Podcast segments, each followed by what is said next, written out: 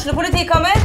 Ine Jansen er purk. Er du purk? The motherfucking bitch. Alt jeg vil, er å finne ut hva som skjedde med mannen min. Jon Carew. Er jeg sikta for noe? Iben Akeli. Det er du.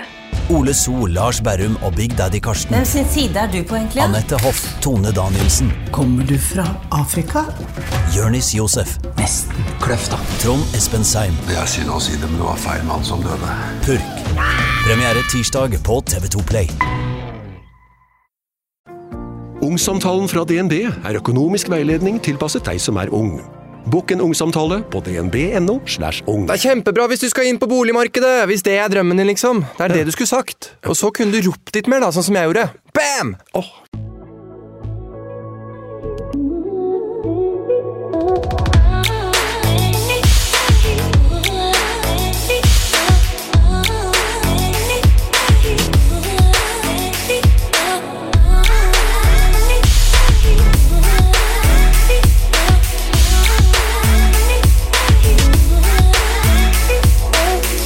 Jeg sitter på krakken i gangen. Jeg krummer hendene og ser ned i bakken.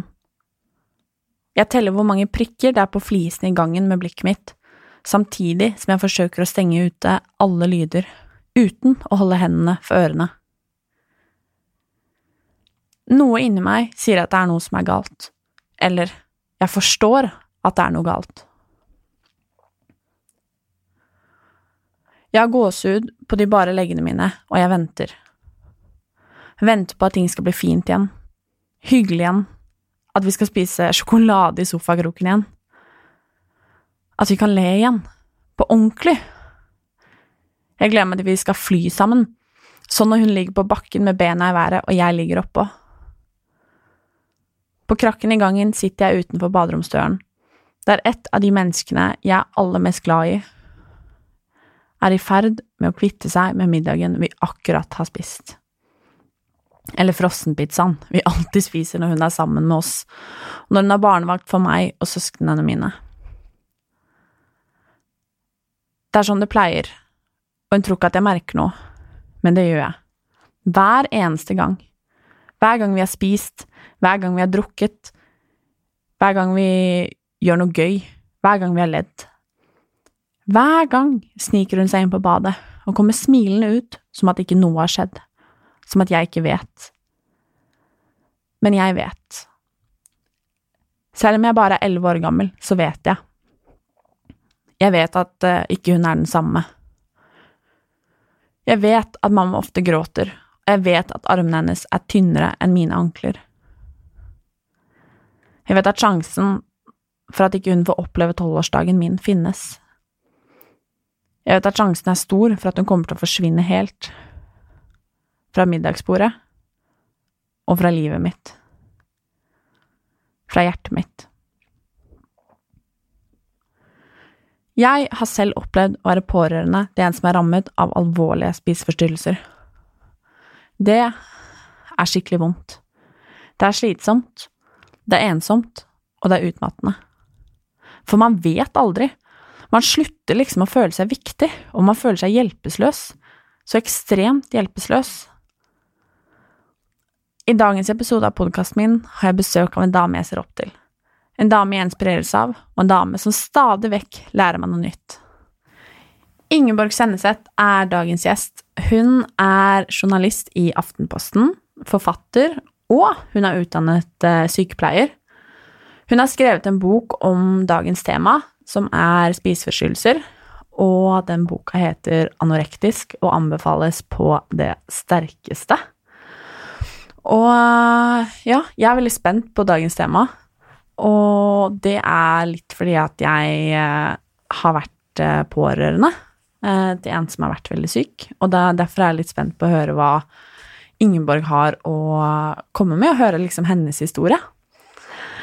Så, Ingeborg Hei, hei. Hei! Knote litt med bare- headsetet. Jeg bare stiller inn headsetet. Ja, nei, men det går bra. Det er, eh, her er det lov å bråke litt. Vi er ikke så fine på det, som jeg pleier å si. Og så ble jeg litt overraska. Fordi at alltid på sånne headset så syns jeg de passer helt perfekt med en gang. For jeg, har, jeg føler så at jeg har så stort hode. Å ja. Men nå måtte jeg liksom krympe det helt ned til det minste, og så tenker jeg bare Herregud, det er enda en ting jeg har innbilt meg. Nei. du kan ikke innbille at du har stort hode. Jeg måtte Eh. liksom litt opp i størrelse på russelua og sånn. Ja, det har jeg aldri tenkt over, i hvert fall. Nei. Verken Og, det, selv og det handler, nå skal jeg, nå er det, det her er ikke noe sånn at jeg driver og gir folk komplekser for størrelsen på hodet. Eh, jeg, har ikke, jeg har ingen dårlige følelser knytta til det å ha det, til størrelsen på hodet mitt. Hodet sitter oppå skuldrene, jeg klarer å bære det, jeg klarer å tenke med det, så jeg syns det er helt perfekt. Ja, det er mye klokt inni der, det syns jeg. Det er mye forskjellig. Mange som er uenige, og det har jeg også fått med meg. Ja, det, det er jeg også ganske uenig sjøl i at jeg er mye klokt der, men det hender at det pipler opp noe som er litt nyttig, da, og det er jo fint. Ja, jeg er helt enig. Men uh, først uh, Hvor gammel er du? 34. 34. Mm. Altså, du virker jo så ung, syns jeg. Uh, takk. Eh, Ja, 34 jeg- jeg er jo ganske ungt. Jeg vil jo gjerne virke voksen, da. Jo, liksom men, men du er jo det type i jobben din. Ja. Men det er sånn du er Det er jo kanskje fordi du er så fresh, jeg vet ikke. Jeg vet ikke. Eh, og så jeg har jo veldig sånn ambivalent eh, forhold til det, da, fordi at jeg føler jo veldig at jeg, jeg fysisk mista ti år. Sånn at jeg er hele tida så opptatt av på en måte å at jeg bevis at jeg har klart å leste meg opp på de årene som forsvant, osv. Så videre. Mm. Sånn at jeg får en sånn følelse av at jeg både er eh, Eller at jeg jeg får en litt følelse av at jeg later som at jeg er 34, da. Jeg skjønner hva du Men jeg vil jo veldig gjerne være det, og jeg syns jo alder er fett. Så jeg, jeg er jo kjempeglad hver eneste bursdag og har aldri hatt noe sånn Nei, ikke spør hvor gammel jeg er, og alt sånn. Fordi at for meg så er det bare Det er ett år til med at du har klart det. Ett år til med at du ikke har gitt opp. Ett år til med at du har vært heldig og ikke kommet ut for en ulykke. Ett år til med ny kunnskap og nye vennskap og mer integritet. Ja, for noen også mindre. Eh, Men alt skjer, det skjer så mye i løpet av et år, da, så det er på en måte, jeg, jeg føler at det er grunn til å feire og på en måte feire alder mye mer, da. Men det, jeg det er lett å si når du bor i en storby, ikke sant, fordi at her er, her er du ung til du er 47. Da liksom kan du begynne å si ja, nå er jeg skikkelig voksen. Mens hvis du er på, si du er på landet, da, så er det jo kjempevanlig å få både barn og hus og alt mulig når du er 22. Sånn at det har mye å si hvor hen du bor hen, egentlig òg, da. Det er sant, men nå syns jeg du var klok igjen med alt det du sa nå. Så det, nå fikk vi bare det bekrefta at Ingeborg er en klok dame. Nå. Men eh, hvordan har du det? Jeg har det eh, medium. Det, er- det er helt midt på treet, det. Ja. Jeg, har, jeg syns ikke det er helt topp. Det, var, det har blitt eh, veldig vått og rått og kaldt. Eh, og jeg er da tilhenger av at det er varmt og at det er tørt. Så jeg har allerede flytta inn i mamma sine Marius-strømper og hettegenser og er litt sånn Det her syns jeg er litt i overkant kaldt, og da skjønner jeg jo at jeg kommer til å slite om en måned eller to. Da blir det en lang vinter. Det blir en lang vinter. Men uh, for å gå litt rett på sak. yeah. Som sagt, jeg syns at dette er skikkelig vanskelig å prate om. Mm. Um, Når du sier dette, hva mener du da? um, Er det på en måte alt, eller er det Det er bare det, Jeg er, litt, jeg er litt, nesten litt redd for at du kanskje skal sette ord på noen av de følelsene jeg har vært vitne til i Mm. veldig, veldig mange år. Um, og fordi at jeg personlig har kjempa sånn imot det, på en måte. Uh, og jeg er så Jeg har lært så mye av deg og din historie og av boka di, og syns bare at du er um, Du har jo brukt det til noe vanvittig bra, og det har vært så fint å se. Og være på en måte Hva skal man si? Du har gjort det litt lettere å være pårørende, syns jeg. Oi, så bra. Mm. Og, men jeg er likevel Jeg syns det er, eh, er rett og slett litt sårt å snakke om. Mm. Fordi at eh, eh, Som jeg fortalte om litt innledningsvis her, Martine 11 år eh, Det var veldig brutalt for henne. Mm. Og det er brutalt eh, for Martine 21 år òg. Mm. Og for Ingeborg 34. Så det aller første jeg lurer på, er um, Hvordan ble du syk?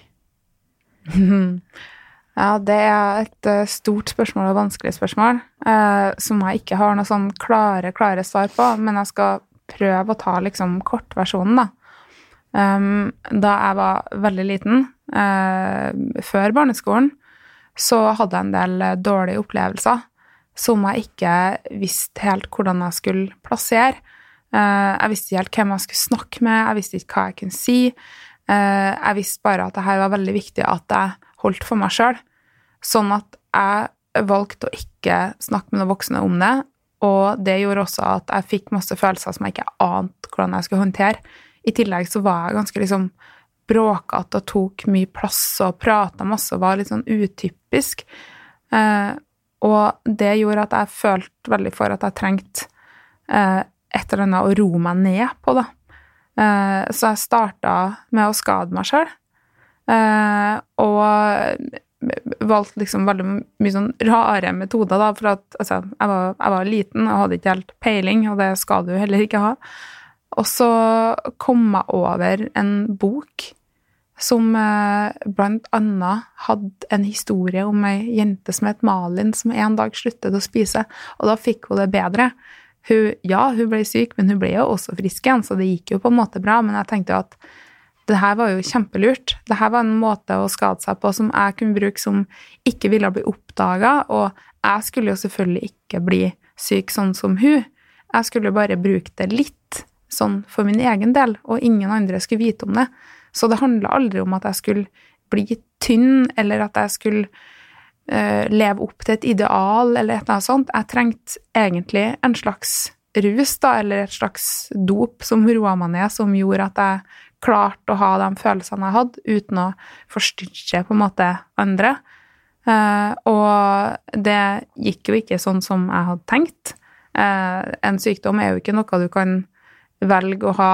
jeg hadde egentlig tenkt helt alvorlig å bare være syk et par ganger i uka.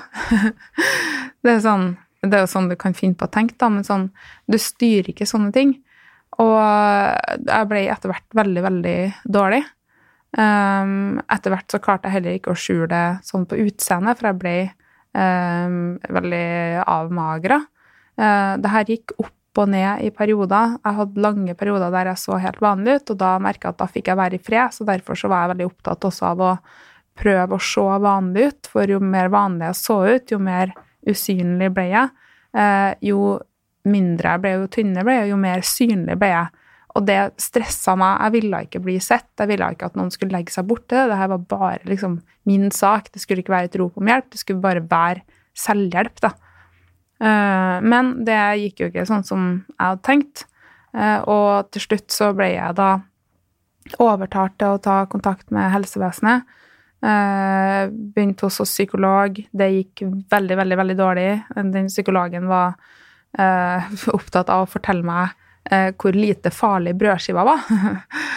og jeg bare OK, er det her er det her det som skal være hjelp? Da kan jeg klare meg bedre uten.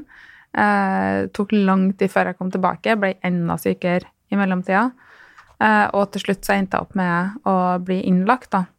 Eh, og etter den første innleggelsen, da hadde jeg allerede blitt over 20 år, eh, så var jeg inn og ut av sykehus Eh, og sammenhengende, eh, eller til sammen, da, innlagt som inneliggende pasient i tre år. Ja, jeg ser du sperrer opp øynene, og det er en veldig riktig reaksjon, for det er ikke, det er ikke vanlig, og det er veldig få som i hermetegn er så heldige at de får den muligheten. Altså, det er jo en mulighet, men samtidig så var det litt sånn Det her er veldig siste sjanse, da. Um, og det gikk jo bedre etter hvert.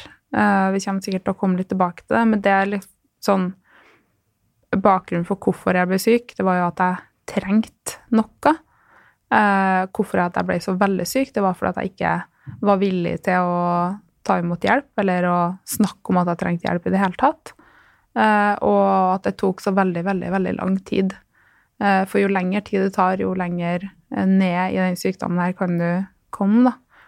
Um, og et viktig punkt å nevne som, som gjør at jeg syntes òg den samtalen her var ekstra viktig å ta med deg, er jo det at jeg har jo sjøl mange pårørende rundt meg, blant annet to brødre, eh, som har syntes at det her har vært veldig vanskelig. Den ene broren min måtte jo også være veldig, veldig tett på.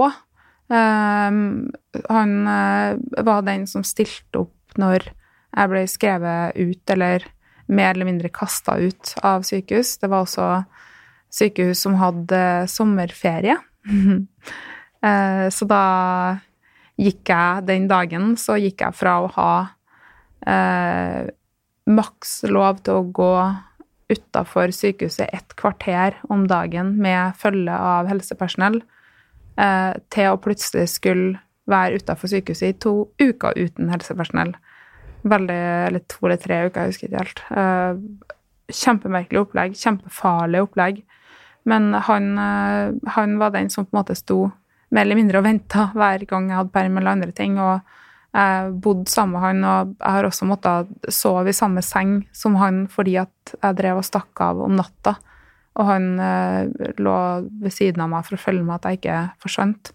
Eh, han har holdt meg fast når jeg prøvde å klatre av gårde opp en murvegg. Liksom. Sånn, han har sett ting som brødre ikke skal se, hørt ting som brødre ikke skal høre. Eh, også da vi var veldig små, Eh, de var sikkert på alderen med deg liksom, da jeg begynte først å bli dårlig. da. Og det er sånn, da har ikke du Du har ikke kapasitet til å på en måte skjønne det eller prosessere det i det hele tatt. sånn at det er jo, det er jo en sykdom som tærer på hele familien. Og jeg tror nok veldig ofte at søsken blir litt glemt i den prosessen. Eh, og jeg, jeg måtte få sykdom veldig på avstand sjøl før jeg skjønte hvor hardt det her må ha vært for mine nærmeste, da.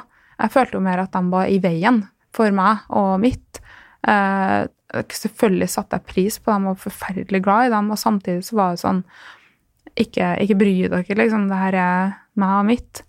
Sånn at Jeg vet ikke, jeg føler fortsatt ikke at jeg er helt i mål med jeg vet ikke, å takke dem for at de orka, og for at de holdt ut. Det husker jeg når um når min eh, nære, holdt jeg på å si, mm.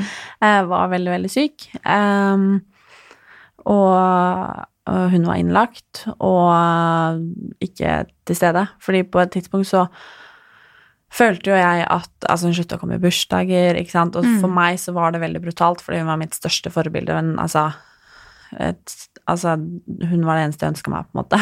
Mm.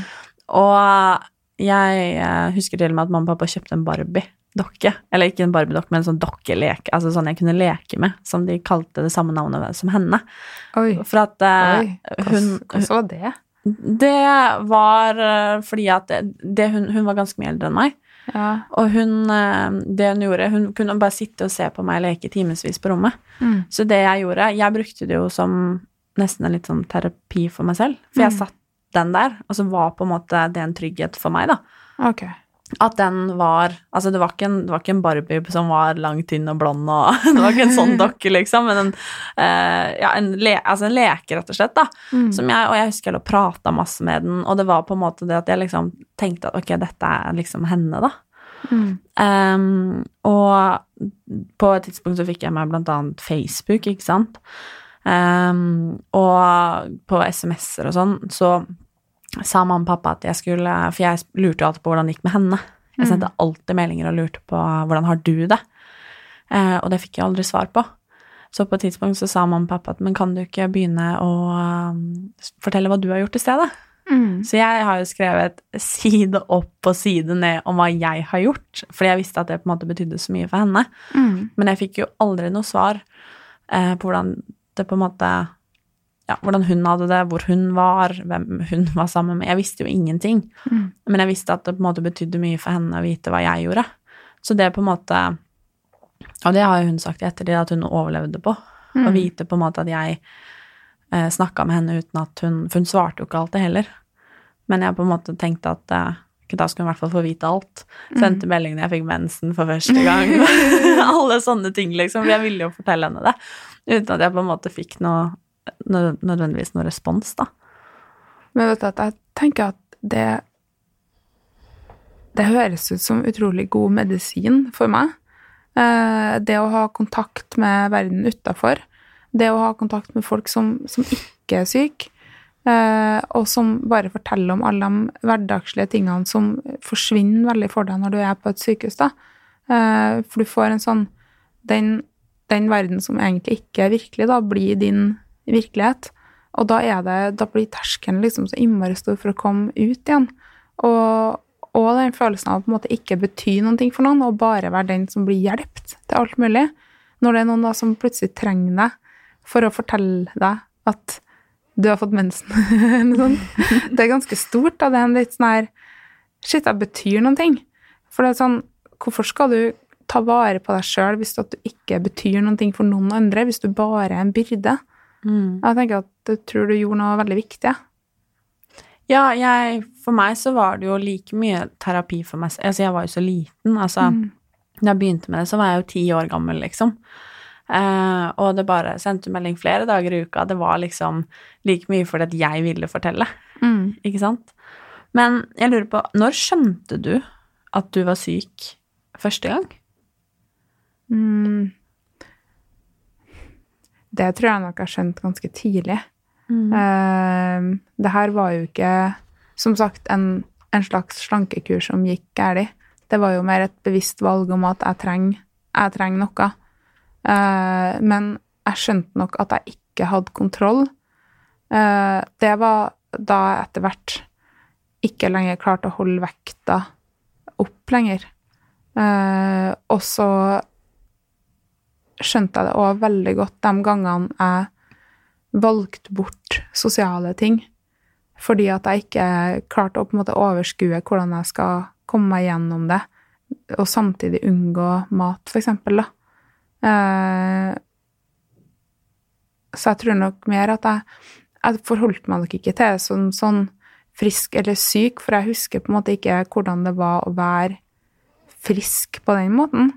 Men jeg forholdt meg mer sånn Hvem er det som har kontroll?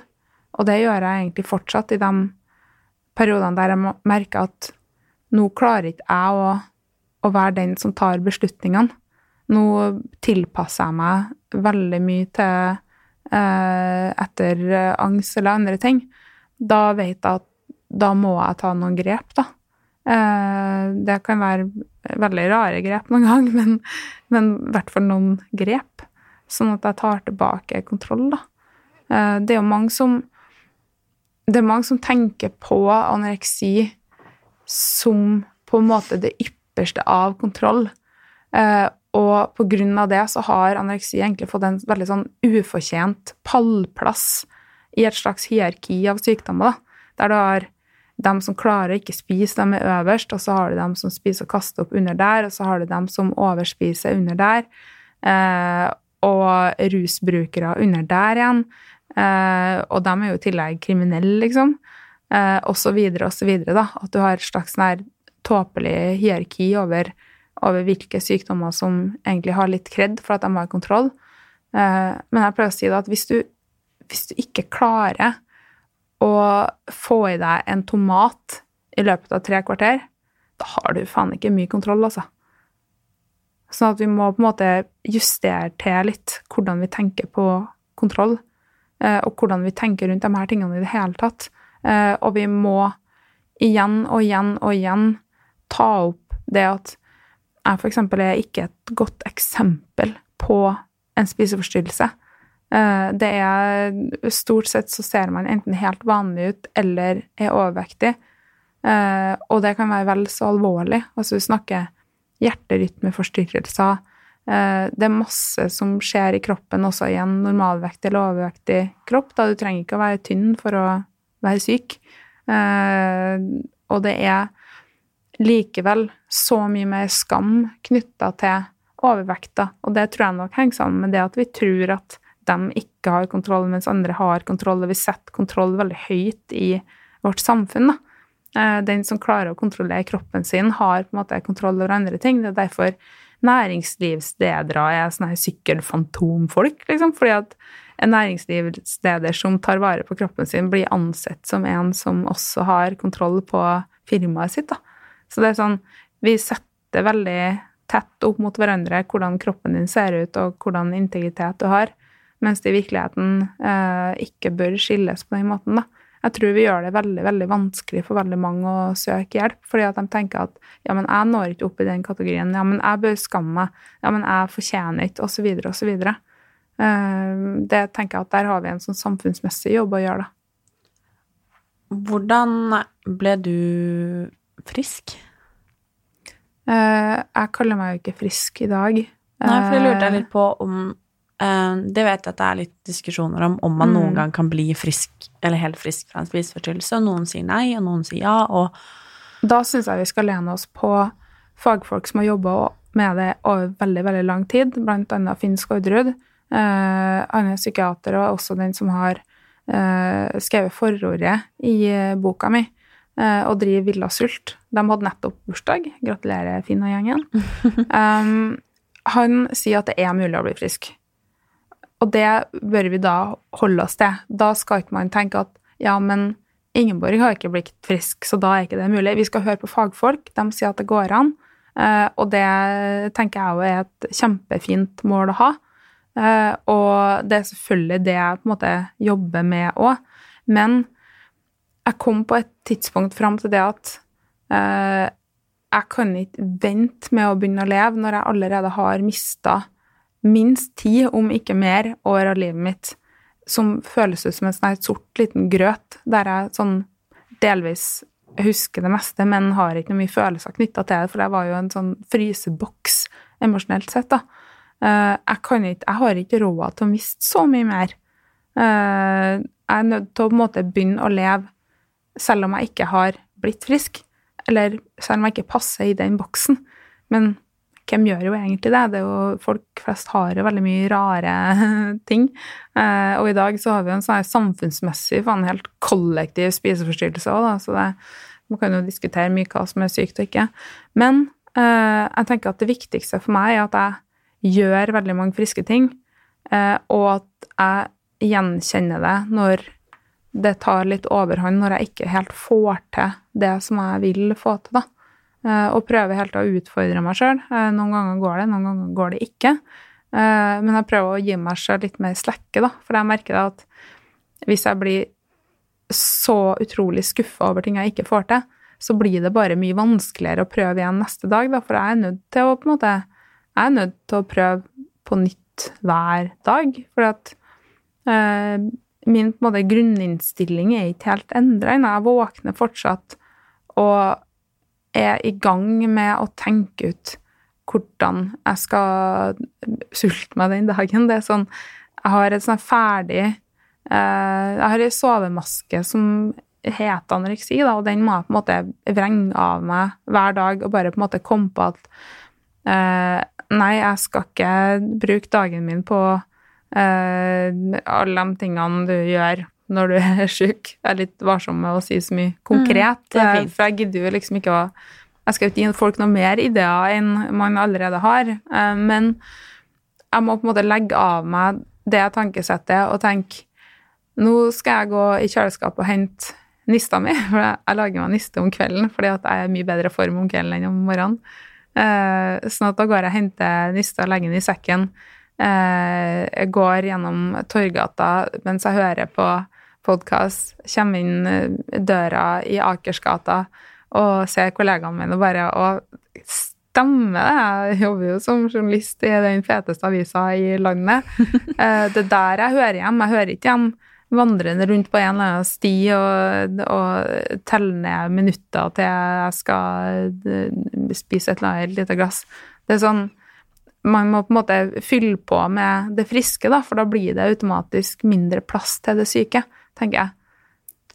Er du noen gang, med tanke på at du har skrevet den boka du har, og snakker åpent om uh, spiseforstyrrelsene, eller spiseforstyrrelsen, sier man kanskje, jeg vet ikke hvordan man bøyer det engang, Det er ikke så veldig farlig.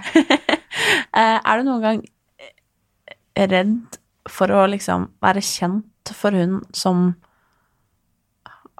hun med spiseforstyrrelser, liksom? Jeg var mye mer det før. Eh, Jeg venta ganske lenge før jeg skrev den boka. Det var jo både derfor, fordi at jeg følte at jeg hadde veldig mye å bevise som journalist og der jeg jobber med andre saker, for mange av de hovedtingene jeg jobber med, eh, er jo eh, antisemittisme, vaksinemotstand, kritisk tenkning.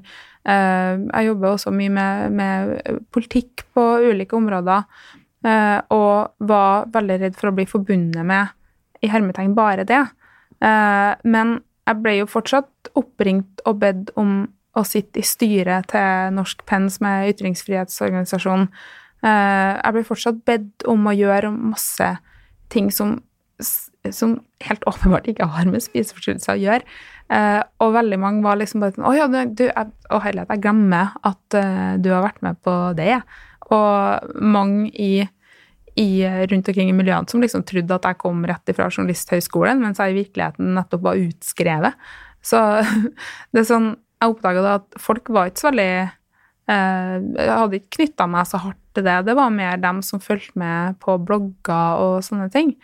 Um, mens uh, etter å ha skrevet boka, så oppdaga jeg igjen at jeg på en måte kom meg ganske fort ut av det. Og det handler om at jeg hadde bygd på en måte en bredere plattform. da Uh, og jeg er oppriktig bekymra for dem som snakker om bare én ting, eller er opptatt av bare én ting, at det er et veldig det er et veldig vaklende fundament, da, for du bør ha flere bein å stå på.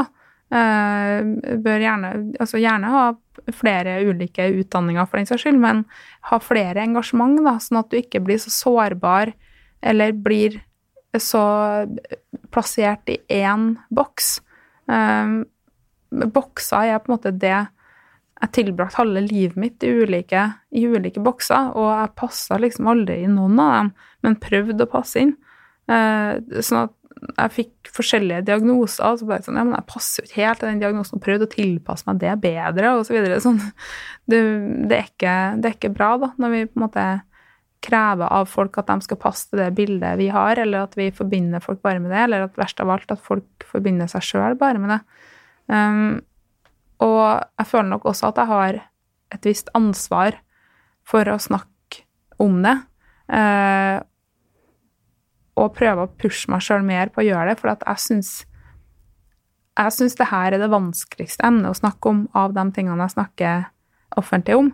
Uh, jeg syns det var mye lettere på søndag å være i nyhetskanalen og sitte mellom Abid Raja i Venstre og Trygve Slagsvold Vedum i Senterpartiet og diskutere valget og, og oppfatninga av eh, politikerforakt i Norge og, og, se frem og tilbake i valgkampen sammen med dem eh, og avbryte mer eller mindre, ikke på den, ikke på den dårlige måten, men en sånn Hei sann, det er flere her som vil snakke mat. Men det, det, er ganske viktig å gjøre, bare man gjør det på en fin måte, da. Mm. Uh, jeg syns det er lettere å ta ordet sammen med to av da Norges uh, mektigste partiledere uh, enn å sette meg ned her, selv om det er et koselig, fint rom og vi har gardiner rundt oss og jeg kjenner deg og alt sånt her, og snakke om spiseforstyrrelser. For det krever mye mer at jeg må snakke ut ifra meg sjøl. Jeg kan ikke basere det på Eh, en analyse. Jeg kan ikke basere det på tallene som kom i går, osv. Jeg må basere det på mine egne erfaringer, og det er veldig sårbart. Så jeg syns det er mye vanskeligere, men jeg ser at det er viktig å pushe seg sjøl på å gjøre det. For vi har vi mister hele tida behandlingsplasser, det er masse pårørende som ikke blir tatt vare på, det er masse, masse folk som havner i uførhet, som jeg er overbevist om ikke hadde trengt å være det. Alle trodde jo at jeg skulle bli ufør. Nav trodde jeg skulle bli ufør. Eh, det er sånn Jeg tenker at vi på en måte har et ansvar, vi som har kommet oss dit, for også å prate om det, sjøl om det mest behagelige hadde vært å bare prate om antisemittisme hele dagen. Det er nok å ta tak i der. Ja, det er sikkert og visst. men jeg lurer, det er jo et veldig personlig spørsmål, men hvordan forhold har du på en måte til din egen kropp i dag? For jeg tenker, altså, kropp tar for veldig, veldig mange ekstremt mye plass. Det er ekstremt mye fokus på det. Vi snakker om det opp og ned, og vi mm. ser eh, kropp omtrent hvor vi snur oss, liksom. Eh, og jeg prøver jo å heie litt på det selv, at eh, vi skal være glad for at vi har den kroppen vi har, og glad for alt den duger til, liksom. Mm.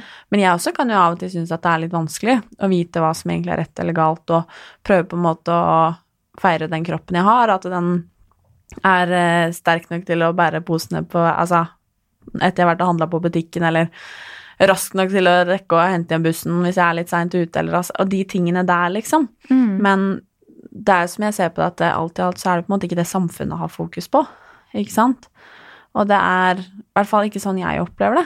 Nei. Og da lurer jeg på hvordan du som på en måte har vært gjennom det du, og for så vidt er gjennom det du, eller har den historien du har, da, hvordan forholdet ditt til din kropp er i dag, med tanke på det samfunnet vi lever i. Ja Det er veldig vanskelig spørsmål. Mm. Eh, her har jeg ikke noe klare svar. Skal vi gå tilbake til den siste valgmålinga? jeg har mye jeg kunne ha sagt om hvorfor det ene har gått fram og det andre har gått tilbake, og partiene og sånn. Men det her syns jeg er vanskelig. Um, Hvilket forhold har jeg, da? Uh, jeg tror at jeg har et sånn ganske funksjonelt forhold til henne. At jeg, jeg kan være veldig dømmende når jeg ikke klarer ting. Um, jeg blir Jeg kan bli veldig irritert hvis jeg ikke klarer å, å stå på hodet på yoga, eksempel. Da blir jeg sånn her Hvorfor har ikke jeg balanse i dag? Hvorfor er ikke jeg sterk nok til At jeg er ganske dømmende hvis jeg ikke får til ting. Um, utseendet på kroppen min har jeg jeg, vet, ikke, jeg lurer på meg, jeg har på en måte outsourca det litt. Fordi at jeg, jeg er jo veldig klar over at jeg ikke er en spesielt objektiv kilde til hvordan jeg ser ut. Eh, og kan bli helt forskrekka hvis jeg, jeg, jeg unngår å veie meg, da, men jeg må gjøre det eh, fra tid til annen fordi at jeg, jeg klarer ikke helt å se om jeg har gått mye opp eller ned. Eh, og kan bli veldig sånn Hæ, har jeg, har jeg gått ned nå? Og når jeg har trodd at jeg har gått opp og sånne ting, fordi at jeg ikke har helt peiling uten det, da. Eh, og det handler da om at jeg må holde meg over en viss, over en viss vekt, da. Eh, men jeg har jo Jeg har jo det her er, det her er litt sånn, sånn flaut, men fint. Um, for jeg har jobba veldig, veldig hardt de siste par årene liksom, med å klare å holde vekta opp over tid. Da. Um, særlig etter jeg gikk, jeg gikk på en sånn veldig, veldig smell rundt bokutgivelsen. Der jeg overhodet ikke klarte å holde vekta, ble masse sånn legeopplegg og sånt. Men etter det så har jeg holdt den så lenge at jeg faktisk har fått tilbake mensen. Og på en måte så, så har jeg fått litt sånn mensen for første gang. Fordi at det er, det er så mange år siden jeg hadde eh, ordentlig før. Det er sånn, og jeg har aldri hatt jevnlig det, liksom nå. Og jeg har det. Eh, og jeg har veldig blanda følelser til det. Jeg har litt den meninga at hva er det halvparten av jordas befolkning gidder å gå rundt og ha? altså, for et bedritent opplegg én gang i måneden. Eh, jeg blir helt fucka sånn følelsesmessig. Eh, først Eller alt det der med at man blir lei seg og sånn her, ja, men jeg blir også sånn her delvis forelska i alle jeg ser i en bitte liten periode, og er sånn masse, masse rart, og så er det mye styr og stell, og det er dyrt.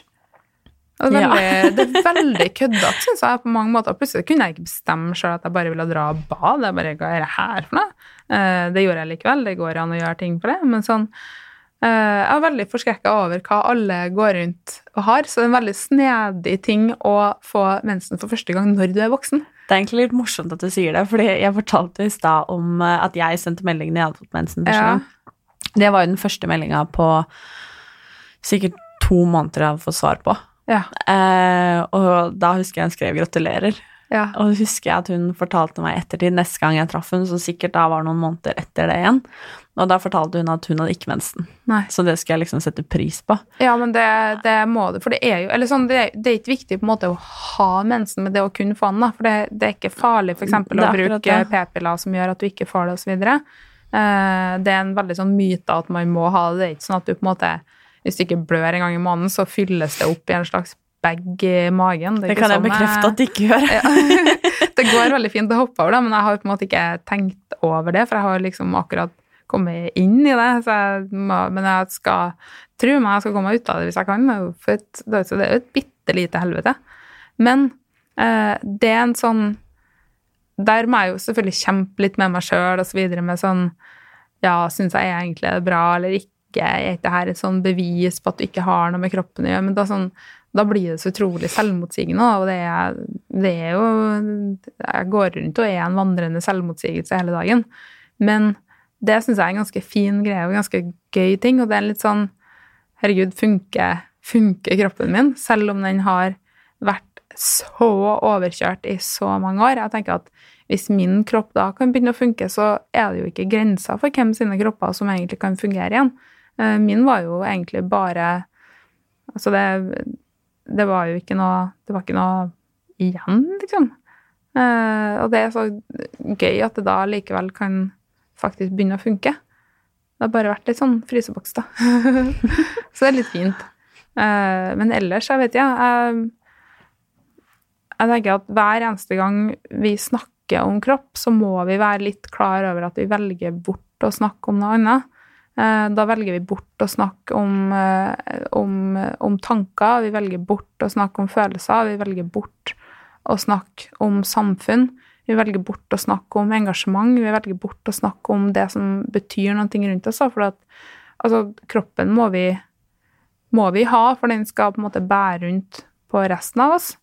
Eh, Men jo mer vi fokuserer på det, jo vanskeligere blir det å være hele mennesker, tror jeg, da. Eh, og det er selvfølgelig lett å si. Det er lettere å si det for meg som har eh, fun Som er jo tross alt funksjonsfrisk liksom, i lemmene, sjøl om jeg har mye rart mellom ørene. Uh, ja.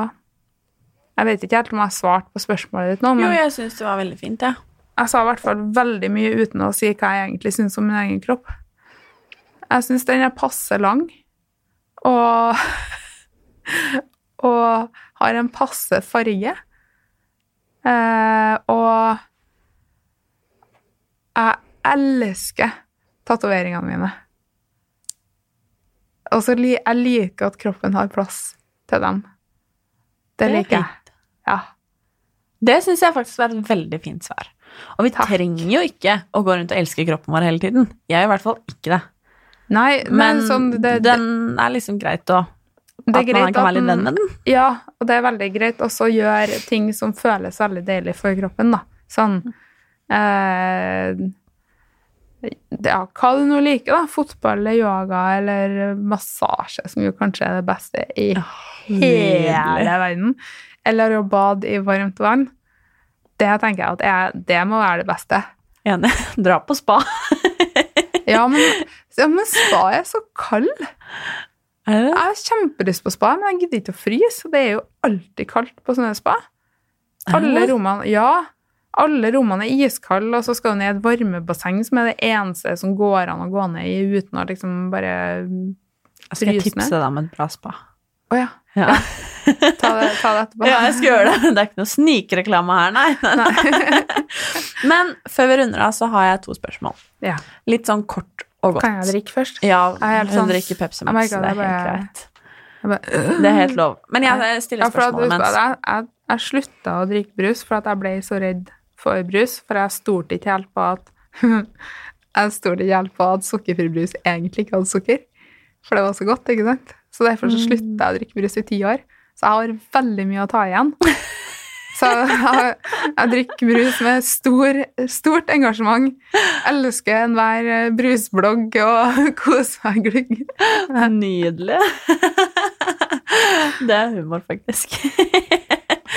Men jeg lurer på Å, deilig. Pepsi Max. Pepsi Max. Mm, det kunne, det kunne ha vært eh, Cola Zero, det kunne ha vært Monster, det kunne ha vært mye rart, da. For jeg er egentlig ganske ukritisk så lenge det er Så lenge det er brus. sukkerfritt og har bobler. Ja, brus er digg. Mm. Jeg vet det jeg skal drikke etterpå. Men ok, ehm, hvis du kan Jeg har jo vært pårørende, og du har vært eh, syk, eller Mm. jeg kaller deg vert. Ehm, så kan du velge Ja. Jeg er ikke så nøye. Nei. Ehm, hva Det er veldig mange der ute som er på en måte i vår situasjon, holdt jeg på å si. Noen er syke, og enda flere er pårørende. Um, hva tror du er det beste, sånn kort og godt, man kan gjøre som pårørende? Hva, hva ønska du deg? det, det jeg ønska meg, er egentlig ikke et godt utgangspunkt. For at jeg ønska meg å være i fred. Jeg ville ikke at noen skulle blande seg, jeg ville ikke at noen skulle eh, stå i veien, og jeg ville i hvert fall ikke være til bry. Eh, Så mine ønsker, i hvert fall som jeg oppfatta dem sjøl, er ikke noe godt utgangspunkt. Men mine behov, derimot, er kanskje et bedre utgangspunkt, da. Og jeg hadde, jeg hadde veldig behov for omsorg. Men det var et ord jeg ikke Jeg klarte engang å si ordet omsorg. Eh, jeg brukte to år på å ta det ordet i min munn, for jeg syntes det var så vanskelig å forholde seg til. Men det var det jeg egentlig hadde behov for. Eh, jeg hadde også behov for å skjønne at jeg kunne ta imot det. Um, men det fins like mange behov som det fins personer som er syke, eller som det fins pårørende. Men en nøkkel for å bli bedre er å finne en mening, og finne et mål. Og et mål kan aldri være en BMI, eller å slutte å kaste opp, eller alt som handler om symptomer. Eh, Det er ikke mål. Altså, et mål kan være å få dratt til Hellas og delt ut klær til migranter, f.eks. Det er et eksempel fra en, fra en eh, som jeg har vært innlagt sammen med, som ønska seg veldig å gjøre det. Skal du gjøre det, så må du ta godt nok vare på deg sjøl hvis du har tenkt å dra og hjelpe flyktninger. Um, et mål for meg var å eh, For det første så ville jeg motbevise for det Nav-personene at jeg ikke trengte å bli ufør, men jeg hadde jo også veldig lyst til å bidra. Eh, men jeg trengte hjelp for å bli minnet på at jeg var et engasjert menneske. Eh, for i mitt hode så var jeg bare engasjert i gram. Eh, mens de som kjente meg godt, eller psykologen min, da, klarte å på en måte dra ut av meg at jeg var jo veldig interessert i nyheter. Eh, og jeg klarte å skjønne sammen med dem da, at det å være eh, opptatt av andre ting var en nøkkel for å komme seg videre. Men alle trenger grunnleggende ting. Grunnleggende ting som trygghet. Grunnleggende ting som tid. Det her er veldig tidkrevende, og det er, det er forferdelig å be pårørende om det, men du må faktisk innstille deg på, eller innfinne deg med at det her kommer til å vare i mange år. Eh, og det er lov til å synes at det er bedritent. Og det er også lov til å si til den som er syk, at vet du, at det her syns jeg er uutholdelig å holde på med. Men vi skal fortsette å gjøre det sammen. Men jeg syns det er ganske tøft. Eh, og pårørende er nødt til å på en måte få tatt vare på seg sjøl, for de skal også være et forbilde. Eh, de skal være forbilde med det at de tar vare på seg sjøl, kanskje ved å ta avstand i ei helg, da, og tenke på helt andre ting. Eller det å være opptatt av eksempel, å ta vare på ungene sine, eller det å spise helt vanlig og ikke tilpasse, ikke la en spiseforstyrrelse bestemme menyen for en hel familie, eksempel. Um, men jeg tenker at det viktigste du kan gjøre for den som er syk, og for deg sjøl, er å prøve å ivareta en viss normalitet uten å late som at alt er normalt. Gir det mening? Absolutt. Um, ikke prøv å være en behandler.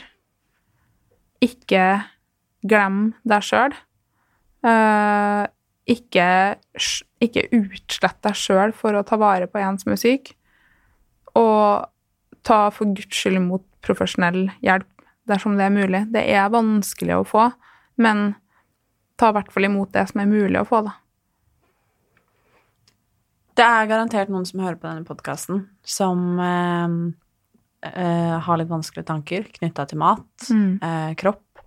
Eh, Ja, men kanskje... det har jo nesten alle til slutt, og det er ment med sånn kollektiv, Ja, ja, samfunnsmessig spiseforstyrrelse. Jeg For det er sånn jeg blir helt Jeg blir ganske overraska noen gang over ganske mange eh, innlegg som legges ut, eller Instagram-poster og alt sånt her, som på en måte i dag blir oppfatta som helt streite trenings- eller ernæringstips, eh, mens jeg tror nesten at vi hadde kommet til å kalt det eh, ortorektisk, eller eh, nesten tidvis liksom proana-blogger, hvis det hadde vært for ti år siden. Mm. Eh, vi, har, altså, vi har blitt veldig tilvendt en skikkelig spiseforstyrra kultur, altså. Mm. Det er veldig sånn jeg bare Oi, oi, oi. Så jeg tenker, Det er ikke sikkert at folk hadde merka hvor syk jeg var hvis det hadde vært i dag. Eller jo, det hadde de, men sånn jevnt over, da. Ja, men jeg tror du har veldig rett i det at jeg tror det er ekstremt mange som har vanskelige tanker knytta til mat. Og da lurer jeg på, enten til de som er innlagt og hører på, de som eh, kanskje ikke helt vet selv at de er Eller kanskje ikke helt vil innrømme at de er syke, eller de som rett og slett bare syns det er vanskelig. Har du et råd, en tanke, en, altså et eller annet du kan si til de? Litt for å Jeg vet ikke. Jeg har et spørsmål. Hva brenner du for? Det tenker jeg det er det de må tenke på.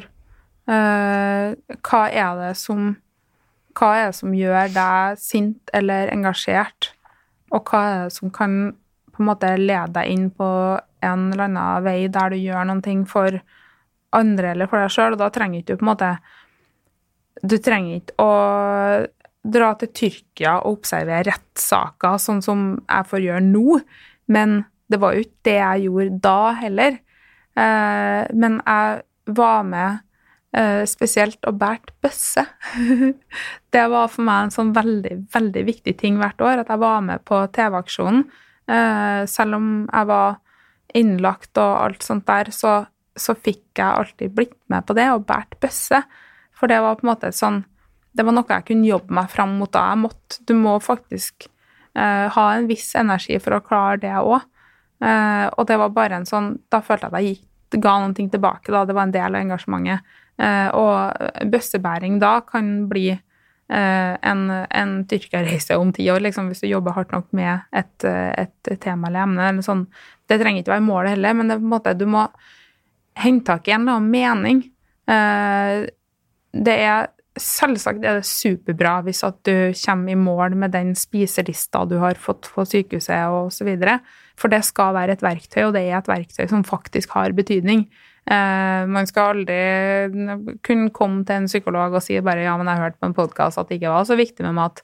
Altså, målet er at maten ikke skal være det viktigste, men da må den følge deg en stund først, da. Eh, det, man må komme forbi det stadiet der man lever for maten, til at man lever av den.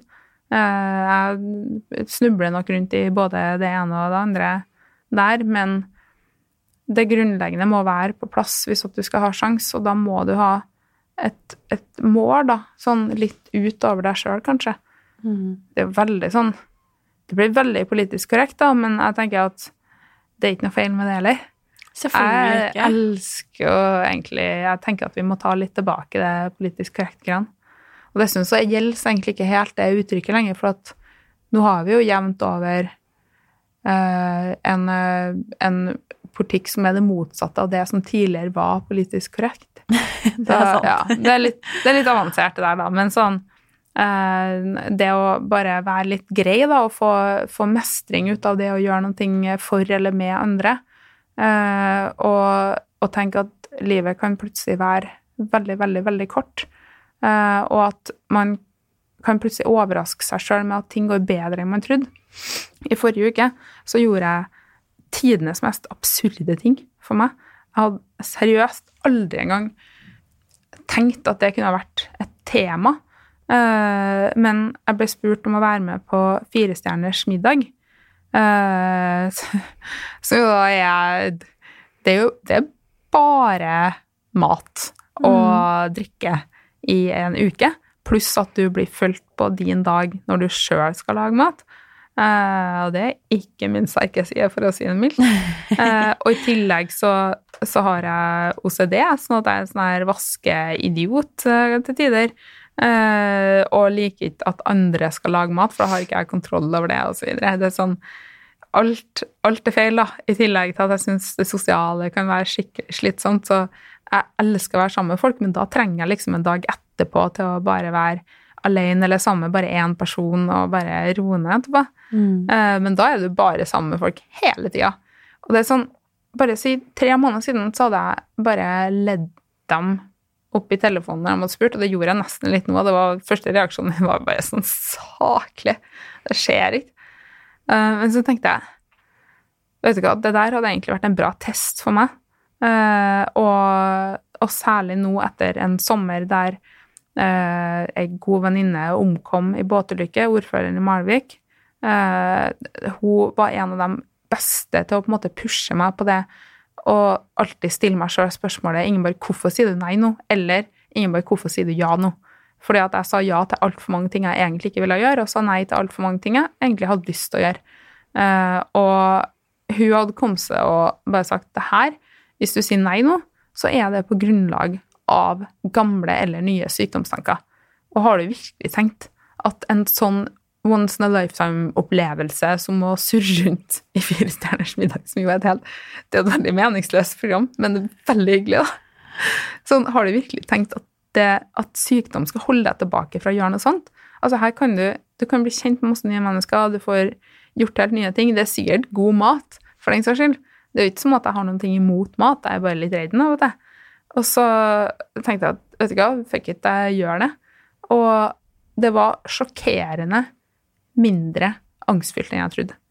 Det var så artig. Det var jævlig slitsomt, men det var så mye artig, og det var så mye maten jeg syntes var kjempegod. Jeg smakte på ting jeg ikke har smakt på 10-15 år. Det, sånn bare, det, var så, det var så fjernt at de tingene gikk så mye bedre enn jeg hadde trodd. Sånn at jeg tror nok også at veldig mange av oss, i hvert fall meg, eh, overvurderer angst. Vi tror at den er farligere enn den er. Eh, Vi tror at det, det vi er redd for, kommer til å påvirke oss i større grad enn det faktisk gjør. Da. For det var det nesten skuffende å drikke altså sånn her sukkersaus, omtrent som jeg gjorde hjem til NM. Jeg kan jo ikke avsløre noen matretter, det har vi ikke lov til. Men ganske sånn her drøye ting som jeg ville liksom trodd hadde kommet til å gjort meg mye mer stressa, da. Og så bare gå og henge med resten og flire etterpå og prate ned og bare sånn her Hvorfor, hvorfor er ikke det her verre? Så av og til så tenker jeg at vi kanskje ikke skal overvurdere vår egen sykdom heller, da. Og heller eh, slutte å undervurdere oss sjøl så veldig, tror jeg. Det var veldig fint. Vi kan jo, og vi er eh, Ja, jeg tror man Eller jeg heier på det å prøve å kanskje utfordre seg selv litt, Mm. og faktisk minne seg selv på alt hva man er i stand til, i stedet for alt hva man ikke er i stand til. Ja, men noen ganger så er det litt vanskelig å minne seg sjøl på det. Noen ganger så må man faktisk bare teste. Og så er det ikke så farlig om det ikke går bra. Mm. For det var litt av tanken min, for det, og det sa jeg til, eh, til produksjonsselskapet i forkant av, at det kan jo hende at det her rett og slett ikke går bra, men da skal ikke det være noe vi på en måte lar være å sende, eller noe sånt. Da får det heller bli en veldig annerledes utgave, da, der vi viser det at også dem det ikke går helt bra for, kan godt være en del av gjengen. For det er det som er nøkkelordet, da, at vi må på en måte ikke vi må ikke gi etter for å dømme oss sjøl så veldig på det at vi ikke klarer, i den grad at vi slutter å delta og isolere oss og sånne ting. Eh, jeg tenker at det, det er jo da det virkelig blir en sykdom, da. For alle er litt rar, alle har litt greier, alle har angst. De som ikke har angst, de blir påkjørt av buss. Veldig dumt å ikke ha angst. Det hjelper oss her i livet også. Men bare det ikke lar seg styre helt, da. Men vi må, ikke, vi må klare å gi et litt større rom for hva som er greit å være, hvor rar det er lov til å være. Jeg vil i hvert fall veldig gjerne være, fortsette å være litt rar. Eh, og så er folk egentlig veldig fine, altså. Det jeg har ennå til gode liksom å oppleve noen som bare som sier at åh, men skal du komme, du som uh, kan være så vanskelig? Det er mer sånn her Herregud, så kult at du kommer. Uh, velkommen. Og ja. Og jeg lover, det var ingen på det der programmet som tilpassa sine ting etter meg, for å si det sånn.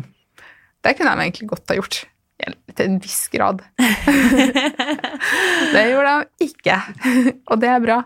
Jeg tenker det er helt, det er helt konge å bare være i en veldig unormal og normal setting, da. Mm. Tusen takk for at eh, du er du, og for at du er så klok, og for at du ville komme hit og skravle med meg og dele til alle som lytter. Tusen takk for at vi kom. Jeg håper at jeg har motbevist eh, litt det at jeg er så veldig klok, så jeg slipper å ha skikkelig prestasjonsangst når jeg gjør det. Nei. Kloke Ingeborg. ok. tusen, tusen takk. Takk for meg. Og takk for at du hørte på. Ta-da!